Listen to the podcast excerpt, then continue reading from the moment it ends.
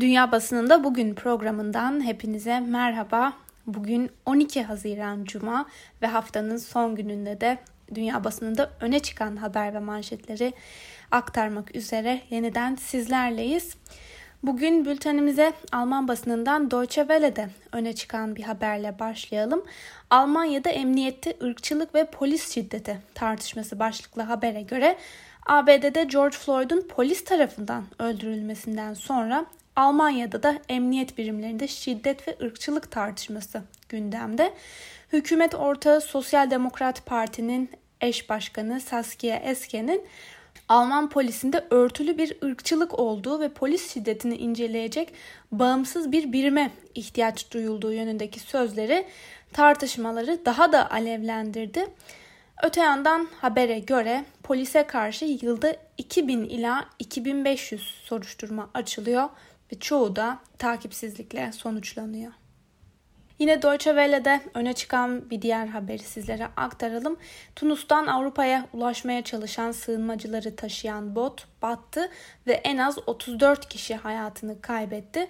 Uluslararası Göç Örgütü Akdeniz'de kurtarma çalışmalarının tekrar başlamasını da talep etti. Fransız Le Monde gazetesinde öne çıkan haberlerden birine de sizlere aktaralım. Fransa'da 4 yıl önce gözaltında öldürülen siyahi genç Adama Traore'nin yakınlarından oluşan ve daha sonra polis şiddeti ve ırkçılığa karşı olanların birleştiği Adama Komitesi ülkede protestolara devam çağrısı yaptı. Adama Komitesi SOS ırkçılık inisiyatifiyle birlikte 13 Haziran için Paris'te büyük bir eylem yapılacağını açıkladı ve öte yandan İçişleri Bakanı Christophe Castagne'nin ülkede ırkçılığa sıfır tolerans ifadelerini kullanarak yaptığı açıklamaların öldürülenlerin aileleri için yeterli olmadığı da belirtildi. Kastanye bu hafta içinde polisin boynu sıkıştıran aletler kullanmasının da yasaklandığını açıkladı. Bu haberin ardından Euronews'ta yer alan bir habere göz atalım. Ekonomik Kalkınma e, ve İşbirliği Örgütü OECD'nin Genel Sekreteri Angel Gurria, Euronews'a COVID-19 salgını sonrası toparlanma sürecine ilişkin tahminlerini anlattı ve açıklamasında şu ifadeleri konuştu. Her şeyden önce salgının tekrarlamaması durumunda dünya ekonomisinin 2020'de %6'lık bir küçülme yaşayacağını öngörüyoruz. Eğer ikinci bir dalga olursa bu en az %7.5 oranını bulabilir. Ekonomide alınan darbelerle ortaya çıkan güven sorunu kalkınmayı biraz zorlaştıracaktır. Biz bu yüzden V tipi bir toparlanmadan ziyade U tipi bir toparlanmaya odaklanıyoruz. Bu haberlerin ardından Amerikan basınında öne çıkan haberlere de kısaca göz atalım. New York Times gazetesi bugün e, Antifa'ya dair bir haberi gündemine taşımış ve habere göre federal tutuklamalar Antifa'nın protestoları yönlendirdiğini doğrulamıyor. Başkan Trump ve Başsavcı William Barr'ın iddialarına rağmen pek de örgütlü olmayan Antifa grubunun protestolarda kilit bir rol oynadığına dair pek kanıt yok. Benzer bir diğer haberde ise New York'taki protestolarda bir liderin veya bir öncünün olmadığı, tam tersine birçok öncü olduğundan bahsediliyor ve bu kişilerin de genç, karizmatik ve binlerce kişiyi şehirlerde toplamayı başaran kişiler oldukları da belirtiliyor. Joe Biden'a ilişkin bir diğer haberde ise şu ifadelere yer verilmiş. Joe Biden'ın bütün siyasi kariyeri yenilgileriyle damgalandı ama bu kez müttefikleri Biden'ın ölümle boğuşan bir ulusa önderlik edebileceğini ve öne çıkabileceğini savunuyorlar. ABD Genelkurmay Başkanı özür diledi başlıklı bir diğer habere göre. ABD Genelkurmay Başkanı Mark Milley günler önce Aziz Jones Kilisesi önüne e, yürüdüğü ve elinde İncil'le poz verdiği sırada Başkan Donald Trump'ın yanındaki ekipte yer aldığı için özür dileyerek şu ifadeleri kullandı. Orada olmamalıydım. O sırada o ortamda bulunmam ordunun iç siyasete müdahil olduğu algısını yarattı. Ve aynı konuyu gündemine taşıyan Washington Post gazetesi haberi şu sözlerle gündemine taşımış. Genelkurmay Başkanı Lafayette Parkı'nda görüntü verdiği için özür diledi.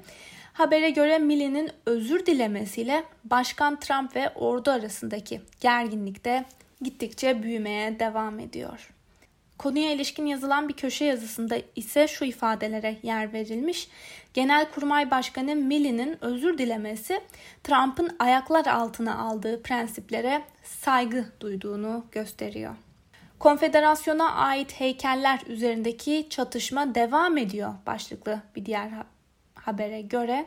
E, ABD'de George Floyd protestolarının ardından iç savaş döneminde konfederasyon ordusuna komuta eden generaller ve liderlere ait sembollere tepki sürüyor ve konuya ilişkin bir yazı kaleme alan Eugene Robinson'a göre Trump konfederasyonun son başkanı olarak tarihe geçebilir. Daniel Allen ise bugünkü yazısında polis departmanlarında reformların yapılmasını talep ediyoruz. Ancak biliyoruz ki daha derinlerde düzeltilmesi gereken mekanizmalar var diyerek polis reformunun ülkedeki ırkçılığın önüne geçmek için yeterli olmayacağını savunmuş. Ve öne çıkan bir diğer yazıda ise Trump'ın Antifa grubu hakkında tehlikeli bir komplo teorisi ortaya attığı ve yaydığı da belirtiliyor. Bu haberlerin ardından İngiliz basınında öne çıkan haberleri de kısaca göz atalım. Independent gazetesi bugün ülkede devam eden salgına ilişkin bir haberi gündemine taşımış ve buna göre İngiltere Başbakanı Boris Johnson'ın önlemleri erken bir aşamada gevşettiği belirtiliyor.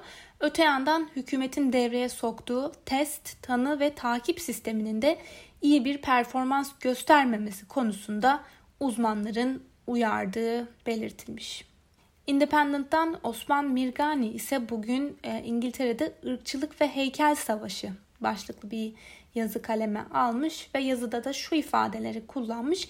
Heykeller Savaşı yakın bir zamanda sonuçlanmayabilir ancak yine de İngiliz sömürgeciliği e, dönemi tarihini yeniden okuma tartışmalarında ileriye dönük bir adım olarak kalacaktır. The Guardian gazetesi de bugün e, ülkede yıkılan heykellere ilişkin bir haberi gündemine taşımış ve habere göre ırkçılık karşıtı protestolarda heykeller yıkıldıkça ırk ve tarihi miras konusundaki gerilim de gittikçe devam ediyor. Bir diğer haberde ise ülkede hızla yayılmaya devam eden salgına ilişkin son gelişmeler aktarılmış. The Guardian'da yer alan habere göre ülkenin ulusal sağlık sistemi koronavirüsle hastaların %33'ünün iletişime geçtiği kişileri tespit edemiyor. Belirsiz olan 2 metrelik mesafe kuralı İngiltere'de kargaşaya neden oluyor başlıklı bir diğer habere göre. E, The Guardian gazetesinin yerel yetkililerden edindiği bilgilere göre hükümet son haftalarda İngiltere'deki konseylere 50 milyon poundluk bir fon sağladı ve bu fon 2 e, metrelik mesafe kuralına uyulması için mağaza içlerine konulan bariyer ve işaretlere harcandı. Ancak ülkede tartışmalı olan 2 metrelik sosyal mesafe kuralının azaltılması durumunda 50 milyon poundluk yatırımların çöpe gideceği belirtilmiş. Joe Biden ve Trump'a dair dikkat çeken bir haberle devam edelim. Demokrat Parti Başkan adayı Joe Biden, ABD Başkanı Donald Trump'ın 3 Kasım'da yapılacak seçimleri kaybetmesi durumunda Beyaz Saray'dan ayrılmayı reddedeceğini öngördü ve bu durumda ordunun devreye gireceğini ifade etti. Trevor Noah'nın hazırlayıp sunduğu The Today Show programına konuk olan Joe Biden seçimlerle ilgili tek endişesinin Trump'ın bu seçimleri çalmaya çalışması olduğunu söyledi ve Biden aklına gelen senaryolardan birinin de Trump'ın gücü devretmeyi reddetmesi olduğunu söyledi ama böyle bir duruma komutanların müdahale edeceğini umduğunu söyledi. Biden onu Beyaz Saray'dan hızlıca çıkaracaklarına eminim diye konuştu ve öte yandan da kamuoyu yoklamaları demokratik alanda Trump'a meydan okuyan Biden'ın Trump'ı geride bıraktığını gösteriyor ifadelerine yer verilmiş. İngiltere'nin muhafazakar gazetelerinden The Telegraph'ta dikkat çeken bir yazı paylaşılmış. Bu yazıyı sizlere aktaralım. Leo McKinstry imzalı yazıda şu ifadelere yer verilmiş. Bu Marksist vandalların bizi aşağılamalarına izin veremeyiz. Solun İngiltere'nin tarihine ne kadar öfke duyduğunu kanıtlama çabasına karşı hükümet sağlam durmalıdır. Bu haberin ardından BBC'de öne çıkan bir haberi de sizlere aktaralım. ABD'nin Seattle şehrinde bir polis merkezinin çevresindeki caddelerde protestocularla yaklaşık bir hafta süren çatışmaların ardından pazartesi günü yetkililer alanı boşaltmıştı ve bunun üzerine salı günü protestocular da alanı polis girişine kapattı ve bölgeyi Capitol Hill Özerk Bölgesi ilan etti. Ve bu gelişmelerin ardından ABD Başkanı Donald Trump protestocuları terörist ilan etti. Trump'ın iç teröristler radikal solcu demokratlar tarafından yönetilen Seattle'ı aldı paylaşımı ve bölgeye ordu yollama tehdidi ABD Başkanı ile yerel yöneticileri karşı karşıya getirdi. Trump radikal solcu olarak tanımladığı Seattle'ın belediye başkanı Jenny Durkan'a Twitter üzerinden şehrinizi geri alın yoksa ben almasını bilirim bu bir oyun değil şeklinde seslendi. Bunun üzerine de Seattle'ın Demokrat Belediye Başkanı Durkan e, Twitter hesabından Trump'a verdiği yanıtta şu ifadeleri kullandı. Hepimizi güvende tut ve sığınağına geri dön. Öte yandan Washington eyaleti valisi Jay Inslee de hükümeti yönetmeye kapasitesi olmayan bir adam Washington eyaletinin işine karışmamalı diye yazdı. Suriye'ye dair paylaşılan bir diğer habere göre Suriye Devlet Başkanı Beşar Esad 2016'dan bu yana başkanlık koltuğunda olan İmad Hamis'i görevden aldı. Esad'ın Hamis'in yerine gelecek ay düzenlenecek genel seçimlere ve yeni hükümet kurulana kadar Hüseyin Arnuş'u atadığı bildirildi. Bu ani kararı duyuran Suriye resmi medyası gerekçesine dair ayrıntıya yer vermedi.